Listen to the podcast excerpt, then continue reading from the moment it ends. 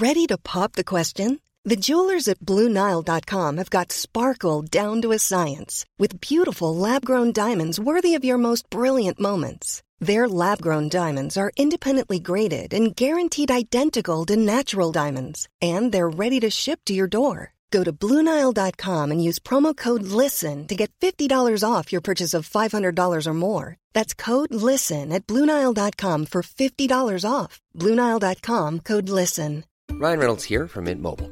With the price of just about everything going up during inflation, we thought we'd bring our prices down. So to help us, we brought in a reverse auctioneer, which is apparently a thing. Mint Mobile unlimited premium wireless. Ready to get 30, 30, bit to get 30, bit to get 20, 20, 20, bit to get 20, 20, bit to get 15, 15, 15, 15 just 15 bucks a month. So, Give it a try at mintmobile.com slash switch. $45 upfront for three months plus taxes and fees. Promo rate for new customers for limited time. Unlimited more than 40 gigabytes per month. Slows. Full terms at mintmobile.com. Even when we're on a budget, we still deserve nice things. Quince is a place to scoop up stunning high-end goods for 50 to 80% less than similar brands. They have buttery soft cashmere sweaters starting at $50, luxurious Italian leather bags, and so much more. Plus, Quince only works with factories that use safe, ethical, and responsible manufacturing. Get the high-end goods you'll love without the high price tag with Quince. Go to quince.com slash style for free shipping and 365-day returns. Palmemordet, Polisspåret, del 19. Fortsättning på Polisman L och Lars L. Sveriges statsminister Olof Palme är död. 90 000. Ja, det är mord på Sveavägen. Hörde de säger att det är Palme som är skjuten. Mordvapnet med säkerhet är en Smith Wesson, en revolver kaliber .357. Inte ett svar. Finns inte ett svar. För jag har Polisen söker en man i 35 till 40-årsåldern med mörkt hår och lång mörk rock. Välkommen till podden Palmemordet som idag görs av mig, Dan Hörning. När vi senast lämnade polisman L och Lars L var de på väg tillbaka till Sverige. Vi vet att polisen på PGNS order väntar på dem i Malmö. Och vi låter polisman L själv berätta vad som hände. Det här är alltså från polisman Ls JO-anmälan. Den andra kränkningen mot mig sker fredagen den 7 mars ungefär vid 12-tiden vid färjeläget utanför Malmö. Vid tullkontrollen så stoppas bilen av polis som beordrar oss att stiga ur. Vi får vänta ungefär en halvtimme innan undertecknad i en polisbil förs till Malmöpolisen utan att någon meddelar anledningen till detta. Inne på polisstationen följer ett förhör efter ungefär 30 minuter där undertecknad blir hörd utan att delges misstanke om något brott. Förhöret hålls av två kriminalpoliser från Malmö och behandlar i stort vad undertecknad gjort dygnen innan och det dygnet då statsminister Olof Palme mördades. Ingen delgivning av misstanke sker eller på vilka grunder förhöret hålls. Ingen meddelar om anledningen till omhändertagandet. Förhöret tar ungefär en halvtimme Därefter förs undertecknad åter till arrestavdelningen. På arrestavdelningen sitter undertecknad från klockan 13.00 till 17.30 utan att någon meddelar anledningen till omhändertagandet. Därefter följer ytterligare ett förhör där förhörsledaren uppger att han är från Säkerhetspolisen i Stockholm han meddelar samtidigt att byråchef Ness vid Säkerhetspolisen beslutat om husundersökning i mitt hem. Grunderna för detta ingripande i mitt hem kräver att det vid Säkerhetspolisen utreds närmare vad anledningen till detta graverande beslut var. Säkerhetspolisen delger ej heller undertecknad om misstanke för något brott trots upprepade förfrågningar. Vid förhöret anger Säpo-polisen att undertecknad uppträtt underligt och att man anträffat politiska tidningsurklipp i tjänsterummet, alltså i åsiktsfriheten kränkt. Förhöret omfattar de mest häpnadsväckande frågor om undertecknad tycker om kombinationen våld och sex. Om undertecknad besökt något vilohem där Alva Myrdal vårdats samt om undertecknad tillhör någon politisk organisation samt det vapen som undertecknad har licens för blir föremål för massa frågor. Detta trots att vapnet sedan januari förvarats hos polisen på Kungsholmen. Samt om undertecknad visste vem Aldo Moro var. Jag ber riksdagens ombudsmän att försöka föreställa sig hur man reagerar vid ett förhör där man blir utsatt för denna typ av frågor utan att meddelas anledning till förhöret då man är oskyldig. Undertecknad redogjorde för mordkvällen fredagen den 28 februari och sen kommer då alibit som vi redan har redogjort för. Och vi ska återkomma till polisman LC och anmälan när den skickas in. Och nu vänder vi oss till PG Ness som beskriver vad som hände sett från Säkerhetspolisens synpunkt. 1986 0307 klockan 12.40 meddelade Malmöpolisen att den aktuella personbilen påträffats från färjan från Köpenhamn. Hämtningen av polisman L och Lars L verkställdes klockan 13.10. Lars L hördes av Malmöpolisen enligt mina direktiv. Efter inledande förhör med polisman L meddelade jag att fortsatt förhör skulle hållas av den utredningsman som handlade ärendet vid säkerhetsavdelningen i Stockholm. Förhörsledaren samt vittnet från sjukhuset flögs under eftermiddagen till Malmö där sedan polisman L hördes med början klockan 17.30. Vid förhören uppgav polisman L att han under kvällen 1986 02.28 tillsammans med andra personer besökt ett motell i Norrtälje där allmän dans var anordnad. Han återvände senare tillsammans med vissa av deltagarna i dansen efter midnatt till Österskär. Urvalskonfrontation verkställdes med början klockan 18.35. Vittnet fann inte polisman L vara identisk med någon av besökarna på sjukhuset. Polisman L lämnade polisstationen klockan 18.55 medan Lars L lämnade polisstationen klockan 18.15. PGNS fortsätter husrannsakan. De rörande polisman L framkomna omständigheterna föredrogs för den i mordmålet utsedde åklagaren, chefsåklagaren KG Svensson i Stockholms åklagardistrikt 1986 0307 klockan 15.45. Åklagare Svensson beslutade att husrannsakan skulle ske i polisman Ls bostad med stöd av 28 kapitlet 19 paragrafen 2 stycken rättegångsbalken då synnerlig anledning förekom att därigenom annan utredning om brottet skulle vinnas. Polisman L underrättades härom i samband med att han lämnade polisstationen i Malmö.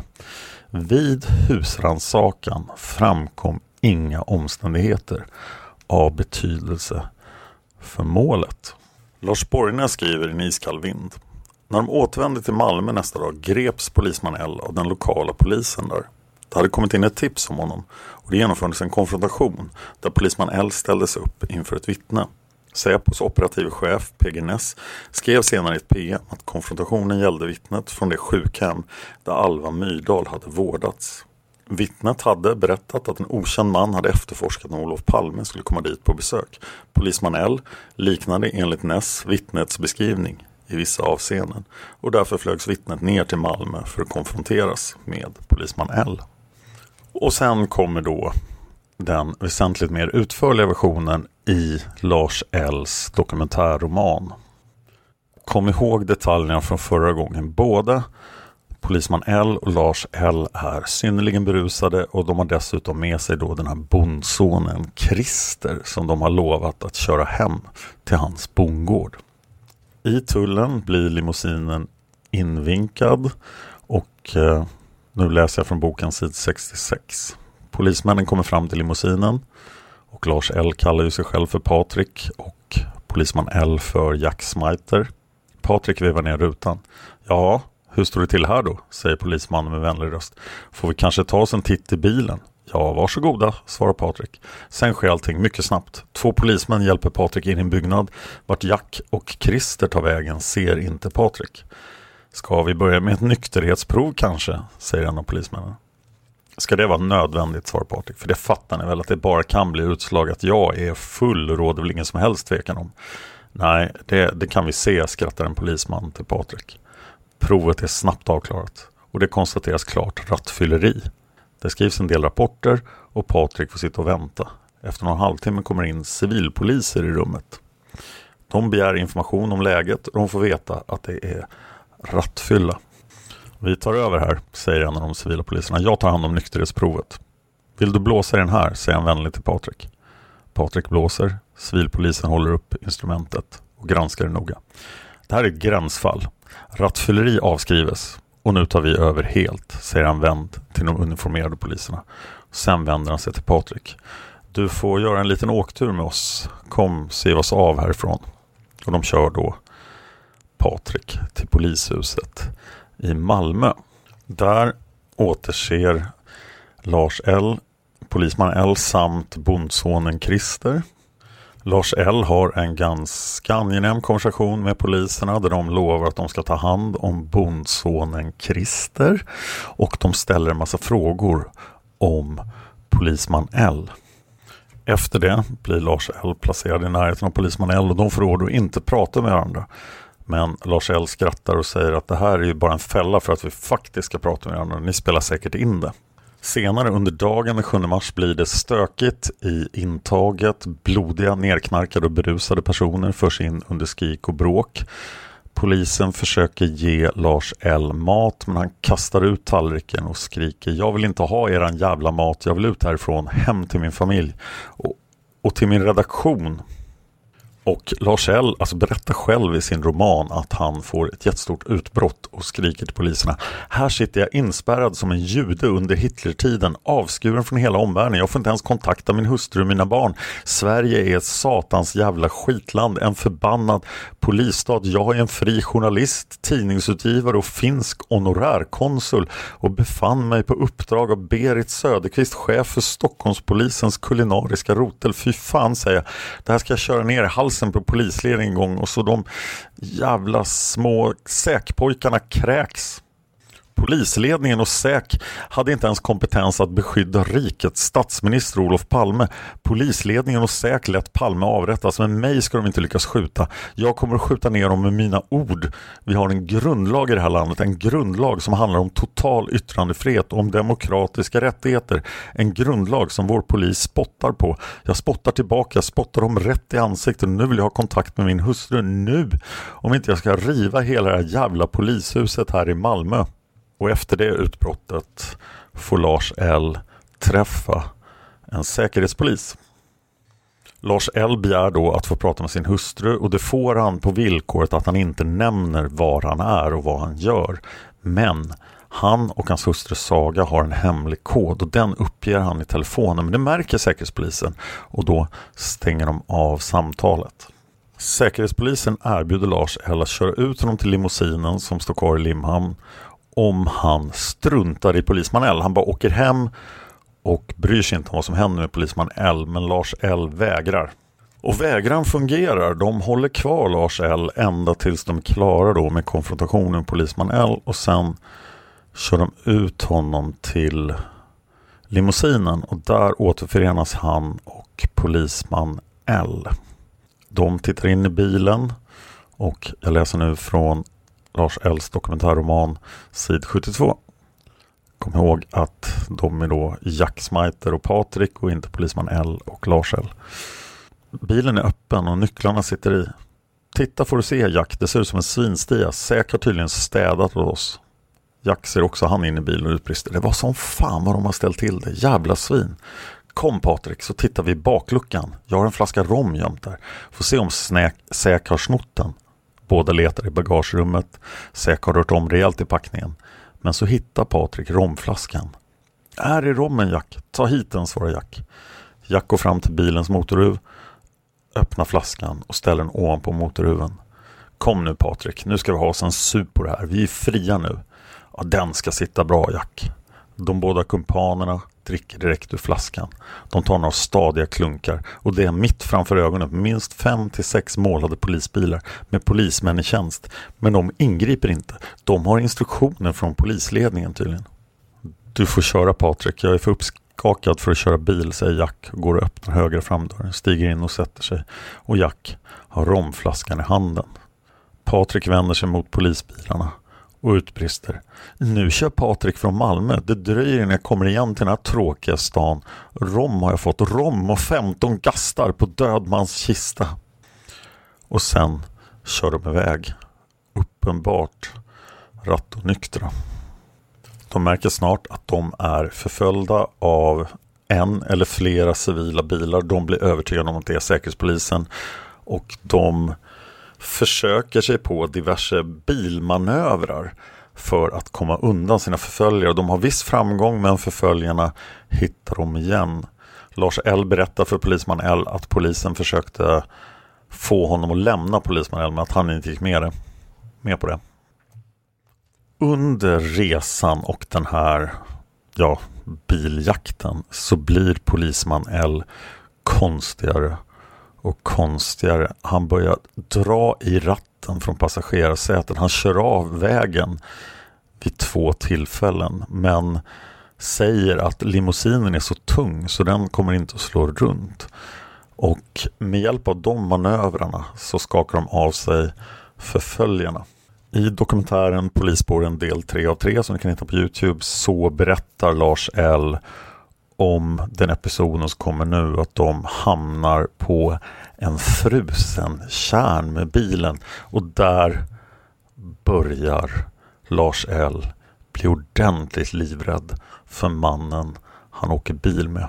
I dokumentären så avfärdar Leif GW Persson hela den här historien som en fylleresa. Men om det är en fylleresa, då är det en väldigt konstig fylleresa. De super ju ordentligt, men vad håller de på med? Och vi har bara Lars Ls version av vad som händer ute på den här kärnen. Polisman Ls plan är att vänta ute i skogen så att polisen tappar bort dem. Det är alltså vinter och det är kallt men Lars L får honom att köra av kärnan och stå på en enslig skogsväg för att där sitter de tysta och rädda.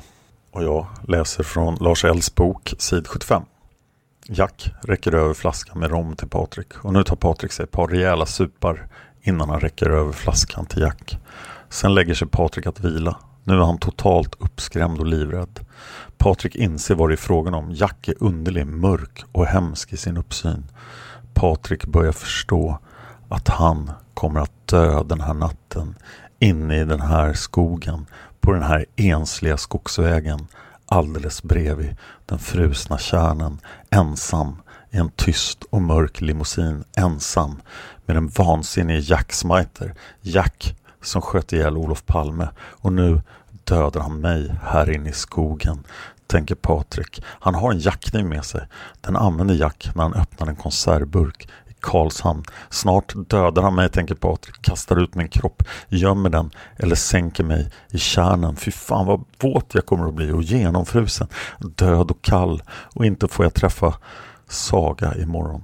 Men så rycker Patrik upp sig. Han inser nu att Jack Smiter är sinnessjuk och att det nu gäller att låtsas dum, spela teater för Jack, på ett övertygande sätt få Jack att tro att Patrik inte alls misstänker honom för mordet på Palme. Och jag måste snacka skit om säk, visar Jack att jag verkligen står på hans sida. Och Patrik spelar sin roll väl. Jack lugnar så småningom ner sig. När Patrik dricker ur den sista slurken av rommen andas han utlättad. Jack har nu somnat i den bakre kupén och han sover tungt. Patrik tar bilnycklarna ur hans ficka och smyger över till förarsätet. Och så kör Lars L iväg mot Stockholm igen. Polisman L vaknar men han är inte särskilt arg över att de har kört iväg. De kör in i Växjö för hamburgare eftersom de är jättehungriga de åker förbi polishuset, de är jätterädda att de ska bli stoppade av polisen igen men polisen har inte längre någon koll på var de är någonstans. Men i Växjö pågår en manifestation. Flera tusen människor samlas med facklor för att klockan 23.21 minnas Olof Palme och det är nu exakt en vecka sedan Palmemordet. Polisman L och Lars L tar in på Hooks herrgård sent på natten till den 8 mars. Och där får de veta att köket har stängt men då bryter de sig in i köket och stjäl dessutom två flaskor slottsvin för att ytterligare kunna supa. Polisman L gömmer limousinen i en lada. De har ett rum här på herrgården där de tänker sova.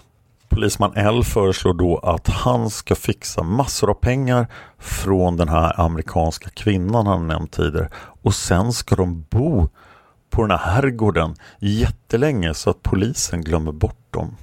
När de ska gå upp till sitt rum, nummer 14, så blir de väldigt överraskade. För när de kommer in på rummet så ligger det ett par där, en kvinna och en man som har samlag i deras säng. Och jag läser nu från sid 81 i Lars Ls dokumentärroman. Patrik går bort till Jack. Jack sitter i en fåtölj och bläddrar i en tidning. Skulle inte du gå och lägga dig? säger Jack med hes röst. Jo, men sängen var upptagen. Va? Var den upptagen? Ja, det låg två och knullade i vår säng. Du är inte nykter Patrik, vad är det skit du snackar? Ta hit nyckeln. Här har du. Jack vaggar iväg längs korridoren. Patrik följer nyfiken efter. Men på ett par stegs avsted, avstånd. Jack, jag kontrollerar nummer på dörr och nyckel innan du öppnar. Jack kontrollerar, sen låser han upp dörren och tänder taklampan i rummet. Och det hörs ett ilsket vrål inifrån rummet. Vem fan är det som springer här och öppnar dörren? Försvinn eller jag kommer att slå ihjäl dig. Förlåt, förlåt, mumlar Jack och stänger snabbt dörren. Du hade rätt Patrik. Det låg faktiskt två älskade i sängen. Vad gör vi nu? Det visar sig sen att nattportieren har gett dem fel nyckel. Hon har gett dem en extra nyckel till ett rum som redan var upptaget. De får ett nytt rum och det löser sig. Och nu verkar det onekligen som att de ska stanna på Hooks herrgård. Men det här samtalet för att få pengar, det fungerar inte. Så det kommer inga pengar. Lars L somnar och tänker på att det är omöjligt att eh, polisman L faktiskt har skjutit Palme. Men han väcks klockan 04.00 av polisman L som är jätteupprörd och skriker det är jävligt bråttom, vi måste köra med en gång. De bråkar och Lars L säger enligt hans roman jag blir helt tokig på dig Jack. Jag ska jävlar mig köra dig till Stockholm direkt till polishuset på Agnegatan och så ska jag släpa in dig dit ditt stora jävla svin, din jävla grisunge. Hör dig Jack, jag är trött på dig och dina jävla fasoner. Du är ingen jävla kriminalintendent mer för mig. Du är en liten fetsmock, en gris och snushandlarson, en lismande hallick och sol och vårare. Polisman L svarar, sluta nu. Här ska inte slutas Jack, jag ska släppa upp dig till Berit på din rotel och släppa in dig på hennes rum och slänga in dig mitt på golvet och säga Här har du Berit, här har du ditt svin till intendent. Han har skjutit Olof Palme så nu behöver han sjukledigt ett tag till och vila upp sig. Lite senare. Jack är högröd, nästan svart i ansiktet och ilska. Plötsligt ger Jack upp ett gnälligt rytande med sin pipiga falsettröst. Han kastar sig fram mot sängen där Patrik ligger. Han sliter hårdhänt tag i Patrik och lyfter ner honom på golvet. Nu lyssnar du på mig Patrik, det här är allvar. Det är klart det är allvar Jack, du är misstänkt av SÄK för att ha skjutit Palme. Håll käften med ditt skitsnack. Jag kommer att tänka på att SÄK säkert kommer att rota igenom mitt hus ute vid havet. Jag måste dit före dem. Jaså? skjuter Patrik in med låg röst. Och varför det då? Jag har en del grejer där som jag inte vill att de snokar i. Och så har jag plockat sönder ett vapen som jag gömt på olika håll i huset. Är det vapnet du sköt Palme med? Frågar Patrik spydigt. Jävla dåre du är Patrik. Nej, det är mitt tjänstevapen och slutstycket har jag gömt väl i frysen. Ja du Jack, du är alltid en listig polis. Du tror att du kan lura polisen och ja, det är jag säker på. För poliser ser du Patrik, det är ju dumma jävlar det. Men polisman L lyckas övertyga Lars L att de ska åka. Lars L somnar i bilen och har en lång utläggning om Sokrates som han tydligen drömmer om. Och Sokrates är en When you're ready to pop the question, the last thing you want to do is second guess the ring. At BlueNile.com you can design a one-of-a-kind ring with the ease and convenience of shopping online. Choose your diamond and setting. When you find the one, you'll get it delivered right to your door. Go to Bluenile.com and use promo code LISTEN to get $50 off your purchase of $500 or more. That's code LISTEN at Bluenile.com for $50 off your purchase. Bluenile.com code LISTEN. Hi, I'm Daniel, founder of Pretty Litter. Did you know cats tend to hide symptoms of sickness and pain? I learned this the hard way after losing my cat, Gingy. So I created Pretty Litter, a health monitoring litter that helps detect early signs of illness by changing colors, saving you money and potentially your cat's life. Pretty Litter is veterinarian developed, and it's the easiest way to keep tabs on your fur baby's health right at home. Go to prettylitter.com and use code ACAST for 20% off your first order and a free cat toy. Terms and conditions apply. See site for details. If you're looking for plump lips that last, you need to know about Juvederm lip fillers. With Juvederm Volbella XC and Juvederm Ultra XC, your lip look, whether it's subtle or bold, can last up to one full year with optimal treatment and no additional maintenance. Find a licensed specialist and see if it's right for you at juvederm.com today. That's J U V E D E R M.com. Add fullness to lips in adults over 21 with Juvederm Volbella XC or Juvederm Ultra XC. Do not use if you have severe allergies or a history of severe allergic reactions, or if you're allergic to lidocaine or the proteins used in Juvederm. Tell your doctor if you have a history of scarring or taking medicines that decrease the body's immune response or that can prolong bleeding. Common side effects include injection site redness, swelling, pain, tenderness, firmness, lumps, bumps, bruising, discoloration, or itching. As with all fillers, there's a rare risk of unintentional injection into a blood vessel, which can cause vision abnormalities, blindness, stroke, temporary scabs, or scarring. For full important safety information, visit juvederm.com. Kommande figur i dokumentärromanen. De båda männen kommer överens om att de ska ringa till redaktionen och se till att de skickar dit en annan bil och tar över limousinen och det arrangeras. De kör vidare med en Amazon mot Stockholm så att de inte ska bli stoppade av polisen igen. Men när de närmar sig Stockholm så kommer de på att de har väldigt lite pengar kvar. Varpå Lars Eldo enligt sin roman går in på Solvalla och där träffar han på en polis från span vid Rikskrim. Men det hindrar honom inte från att sätta pengar på alla pengar de har kvar på en häst eh, med jättebra odds och Lars L vill gärna ge en bild av sig själv i sin bok som en expert på trav. Och det verkar ju som sagt som att redaktionens verksamhet delvis är travtidningar.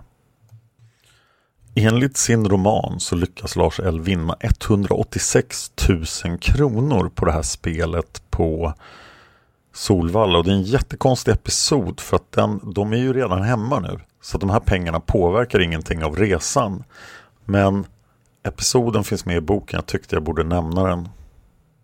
Sen skiljs polisman L och Lars L åt. Lars L kommer hem och somnar och sover, sover jättetungt. Hans fru tar hand om honom. När Lars L vaknar är det den 10 mars 1986 och den dagen exploderar den här historien i media. Aftonbladet skriver Polisbefäl i förhör greps efter festnatt i Köpenhamn. En kriminalinspektör i Stockholm har hörts av Säpo om mordet på Olof Palme och förhörs idag igen. Polisbefälet och hans kamrat greps i Malmö sedan de festat i Köpenhamn. Kriminalinspektören, som har konfronterats med ett vittne från mordnatten, uppger som alibi att han var på dans utanför Stockholm vid tidpunkten för dödsskotten. Läs mer på sidorna 2, 3, 6, 7, 8, 9, 10, 11, 12, 13, 14 och 20 det var en liten överdrift då av Aftonbladet eftersom de andra sidorna, eller många av sidorna talar om andra saker som så här kommer Palmes mördare på begravningen. Vi får tusen nya tips om Palmemordet varje dag, säger kriminalinspektör Lars Richter. Den sista intervjun med Palme. Kvällsposten skriver Polis förhörd om Palmemordet. Minst två poliser har förhörts angående mordet på Olof Palme. En av dem, ett 35-årigt polisbefäl från Stockholm greps tre gånger under två dygn. När polisbefälet förhördes av polisen i Malmö gjordes det husrannsakan i hans hem. Den andra polisen förhördes igår morse i Stockholm. Frågan polisen vill ha svar på Vad gjorde ni på mordnatten? Kvällsposten skriver givetvis också jättemycket om Palmemordet och annat än polisman L. Bland annat om en präst som var jätteglad, en sjömanspräst i New York som firade att Palme hade dött och nu ber offentligt om ursäkt. Det finns också en hel sida om eh, Hans Holmér där det står Han är Sveriges ensammaste man. Han är folkhemmets Clint Eastwood. Kurder tillbakavisar anklagelser om mordet. De säger Palme var kurdernas vän.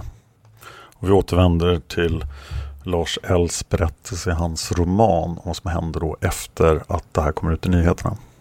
Det visar sig att Lars Els fru Saga har hjälpt hans anställde Joni med tidningen men alla tryckta tidningar, då är det ju inte Kulturnytt, det är väldigt oklart vad det är för tidning men den finns i Dalarna och Lars L åker upp till Dalarna. Men innan dess pratar han massor med sin fru om just att polisman L har skjutit Palme. Han hinner också med att recensera Hans Holmer. Han säger följande om Hans Holmer. Det är en bra polissaga, mycket bra polis, men jag är rädd att han kommer stressas av all inblandning från regeringen och andra som kommer lägga sina fula näsor i blöt. Lars L drar i sig massa whisky och sen bär av mot Dalarna. Han får problem med bilen, han blir stoppad av span i Köping, alltså civila poliser. De, eh, det är väldigt oklart vad de vill. Hans Merca som han åker i hamnar på verkstad och han sitter och väntar. Han försöker ringa polisman L men han får bara tag på telefonsvarare. Han pratar också med sin kompis Janne, Jan Höglund på Göteborgs-Posten och eh, Jan Höglund bekräftar för Lars L att han också är misstänkt för Palmemordet. I alla fall i media. Sen kommer då återigen den konstiga historien om Carl Beck Fries, Lisbeth Palmes pappa och hur Palme och Lisbeth träffades och att missan Lars L också var där. Jag kan läsa en kort liten bit av den. Och här dansar Olof Palme, societetslejonet från Östermalm. Många danser blir det mellan Lisbeth och den unge Olof. Gubben Bäckfris var inte dum. Han såg nog att Lisbeth och den lille Olof kunde bli ett passande par. Sedan 1938 representerar Bäckfris högerpartiet i första kammaren.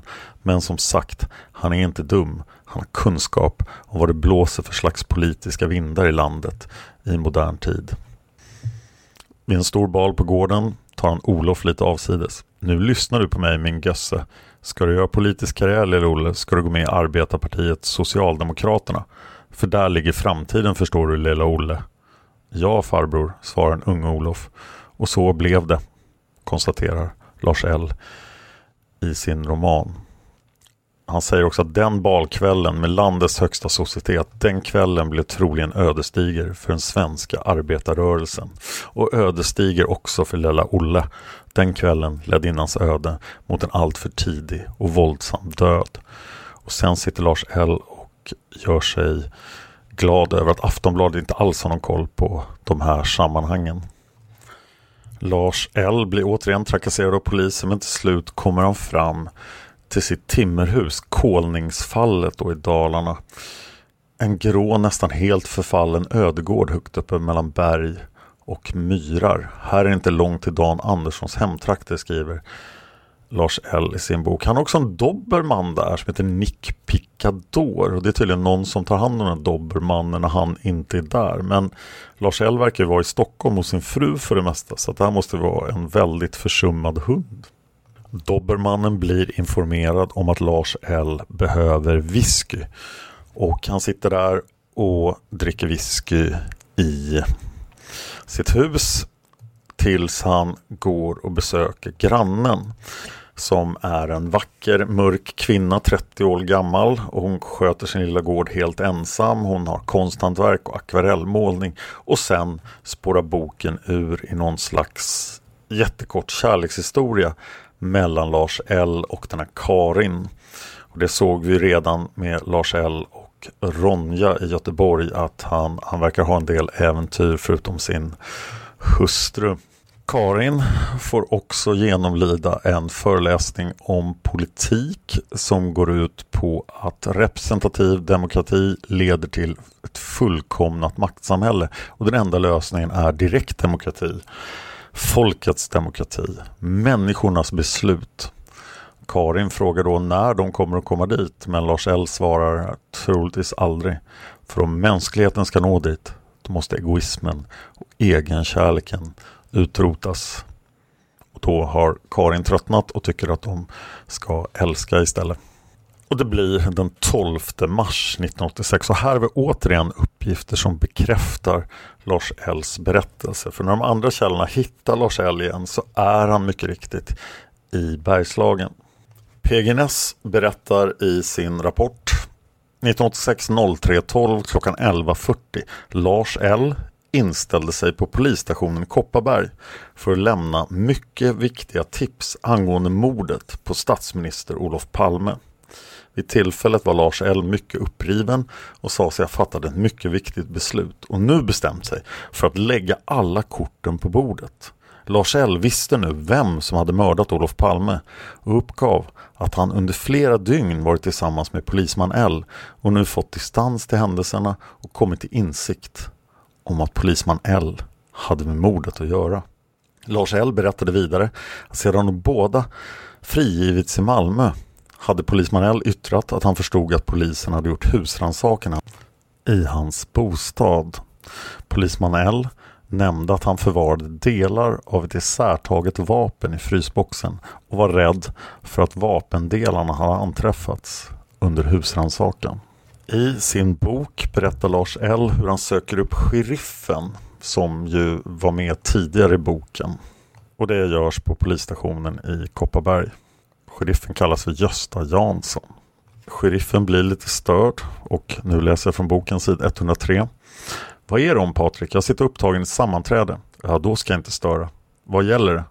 Det gäller mordet på Olof Palme. Ja, men då kan du stiga på. Säkerhetspolisen är redan här. Patrik går in i sheriffens rum och hälsar på de två männen från SÄK. Sheriffen Gösta sitter som ordförande bakom sitt skrivbord. Han ser begrundande på Patrik och utbrister med allvarlig röst. Nå, har att säga Patrik? Jag anser det vara min plikt att berätta vad jag upplevt tillsammans med kriminalintendent Jack Smiter vid Stockholmspolisen. Och Säkerhetspolisen ställer ett antal frågor till Lars L och sheriffen bjuder på smörgåsar, öl och kaffe.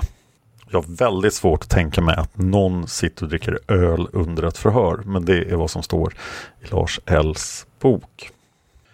Efter att ha pratat med Säkerhetspolisen och i princip bekräftat då det PGNS skriver så ger sig Lars L av hem till kung Arthur som vi nämnde i början, den här 80-åriga jättestora mannen som eh, bränner jättemycket sprit och driver en gård. Han har inte ens hört talas om Palmemordet men Lars L får massor av sprit.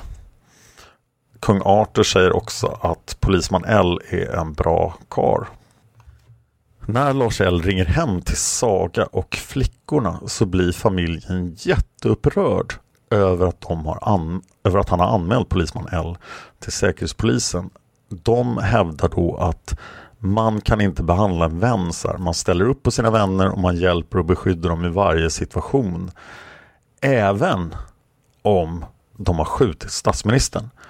Så Lars L får ett ultimatum av sin familj, av sin fru och sina barn att han måste ta tillbaka allting som han har sagt till Säkerhetspolisen. Annars får han aldrig komma hem igen. Då sitter han där med 80-åringen kung Arthur och dricker sprit och funderar på vad han ska göra. PGNS rapporterar vad som händer på natten till den 13 mars 1986 klockan 01.00. Lars L ringde till kriminaljouren i Stockholm. Han uppgav att han befann sig i Kopparberg och uppgav att han hade för avsikt att resa till polisman L för att övertala honom att gå till polisen och berätta allt. Lars L uttalade sig också nio om att polisman L hade med mordet att skaffa uppgav till stöd härför vissa händelser som inträffat under vistelsen i Köpenhamn och polisman Ls beteende efter att de hade lämnat Malmö. Lars L uttalade också oro för att någonting hade hänt polisman L. Lars Ls påringning medförde att en polispatrull besökte polisman Ls bostad i Österskär. Polisman L var vid tillfället klockan 03.05 vaken och i och för sig tacksam för omtanken men sa sig inte vara glad över vad Lars L hade ställt till med. PGNS fortsätter. Och nu har alltså då Lars L fått sitt ultimatum från familjen hävdar han själv. PGNS säger 1986 03.13 klockan 08.30 Lars L kontaktade en befattningshavare i tipsmottagningen i Stockholms polisdistrikt. Lars L uppgav att han befann sig någonstans i Kopparbergs län och att han hade varit i förhör hos Säkerhetspolisen de senaste, det senaste, de det senaste dygnet står det i PGNs rapport. Lars L gjorde därefter ånyo gällande att Polisman L hade knytning till mordet, därvid uppgifterna efter förtydligande frågor något nedtrappades från Lars Ls sida.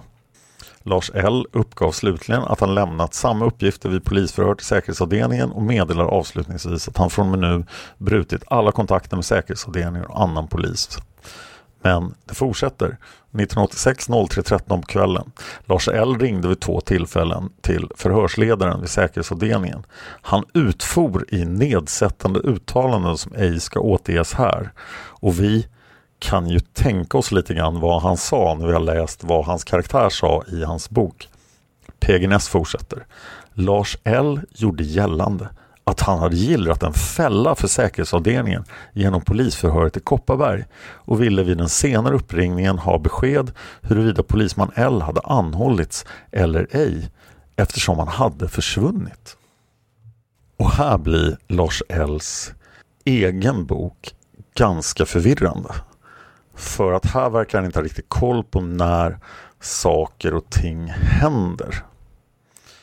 Men han säger att han efter samtalet med kung Arthur och med familjen, då alltså fortfarande på natten till den 13, betydligt tidigare än vad PGNS kommer uppge. Då skickar han ett meddelande där han säger Jag återkallar härmed allt som står i rapporten till SÄK. Det var en fälla och ett tack för senast i Malmö och SÄK hugg betet och det roar mig och polisman L ofantligt. Det var allt. Så han tar alltså tillbaka hela det han har sagt. Och sen går han tillbaka till kung Arthur och sitter och pratar med honom. Men det framstår i romanen som att han gör det här för att göra sin familj glad. Jag läser nu från sid 106 i boken. Nu är det först den 13 mars. Patrik är helt omtumlad och något förvirrad. Han inser att det var en mycket drastisk åtgärd när han ringde till polisen i Lindesberg. Att slänga rakt i ansiktet på Säk att hela berättelsen om Jack Smiter var en fälla för Säk. Patrik börjar så smått inse att han borde ha tagit ett allvarligt samtal med sin familj och försökt övertyga dem hur det verkligen förhåller sig med Jack. Han inser att det är för sent att göra någonting åt saken nu. Gjort är gjort, tänker Patrik. Men vad Patrik inte vet nu, och det är mycket allvarligt för hela utredningen kring mordet på Olof Palme, och den saken får Patrik aldrig veta. Det är att Säkerhetspolisens chef kommer att upprätta ett dokument och chefen på SÄK, PGNS, kommer också att underteckna det dokumentet. I det dokumentet står att Patrik är överhäftig, opolitlig, lögnaktig och att han, PGNS, beslutar att all tidigare och även framtida information om mordet på Olof Palme som kommer från Patrik, den informationen ska helt och hållet totalt nonchaleras av polisen. Men det dokumentet är Patrik lyckligt ovetande om under hela sitt återstående liv och det stämmer ju verkligen inte eftersom han känner till det här när han skriver boken. Lars L fortsätter i sin dokumentärroman det dokumentet utskrivet av en totalt inkompetent chef för Säkerhetspolisen och den totalt vanvettiga och oöverlagda rättegången mot Christer Pettersson. De två sakerna satte definitivt stopp i det maskineri som skulle gripa Palmes mördare. Och sen gör han allt han kan för att få tag på polisman L. Det lyckas och polisman L lovar att komma till Ludvika i sin ilsket röda Jaguar. Och till Ludvika kommer även Patriks hustru. Och de går på en märklig dubbeldejt där den fjärde personen alltså är Torpar-Karin. Det vill säga Lars Ls älskarinna och hon får bli polisman Ls dejt. Men uppgiften om att Lars L tog tillbaka det han hade sagt tidigare stämmer. Det skedde dock lite senare. Jag läser från PGNS rapport. 1986 03 14 klockan 22.55. Lars L avhördes ånyo till kriminalavdelningens jour och ville då poängtera att polisman L var helt oskyldig i saken och att Lars Ls tidigare agerande enbart var avsett att gillra fällor för säkerhetsavdelningen. Lars L avsåg att driva en kampanj mot avdelningen och ansåg sig där i ha stöd av hela Stockholmspolisen. Under tiden Lars L gjorde nu redovisade uttalanden slutfördes också förhören med de alibivittnen som polisman L åberopat. En avvägning mellan deras uppgifter och Lars Ls uppgifter har det till den slutliga bedömningen att Lars L helt saknar trovärdighet. Vidare utredning avseende polisman L kommer icke att genomföras av säkerhetsavdelningen underskrivet Per-Göran Ness. Podcasten Palmemordet finns på Facebook och gå gärna in och like oss där. Där kan du prata med mig och Tobias om podden.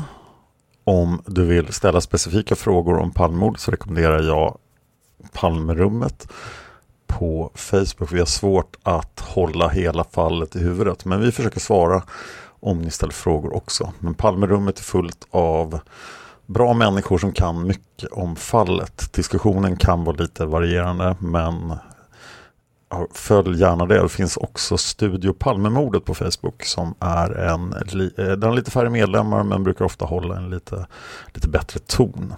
Jag heter Dan Hörning och jag finns på Twitter och Instagram. Följ mig gärna på Instagram.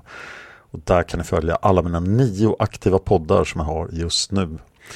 Jag vill tacka alla som sponsrar den här podden via Patreon eller Swish. Kom ihåg att märka era swishar med Palmemordet så jag vet vilken podd det avser. Vill ni swisha så skicka ett meddelande på Facebook så berättar jag numret.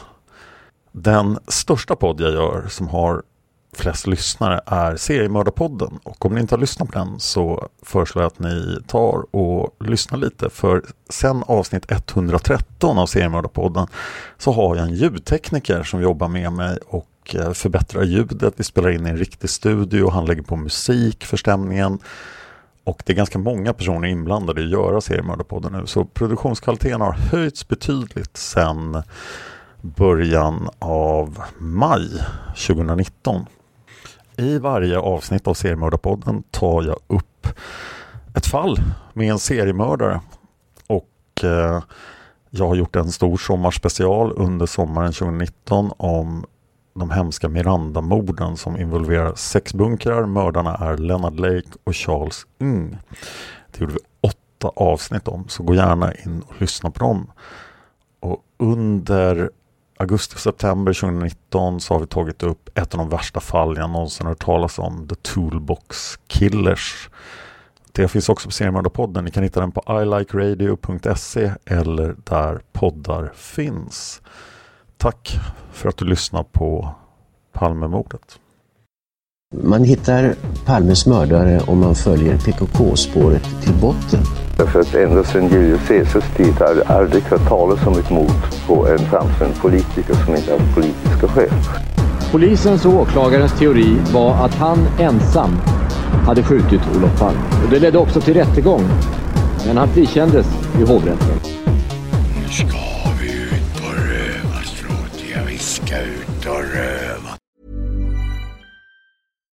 Here's a cool fact a crocodile can't stick out its tongue.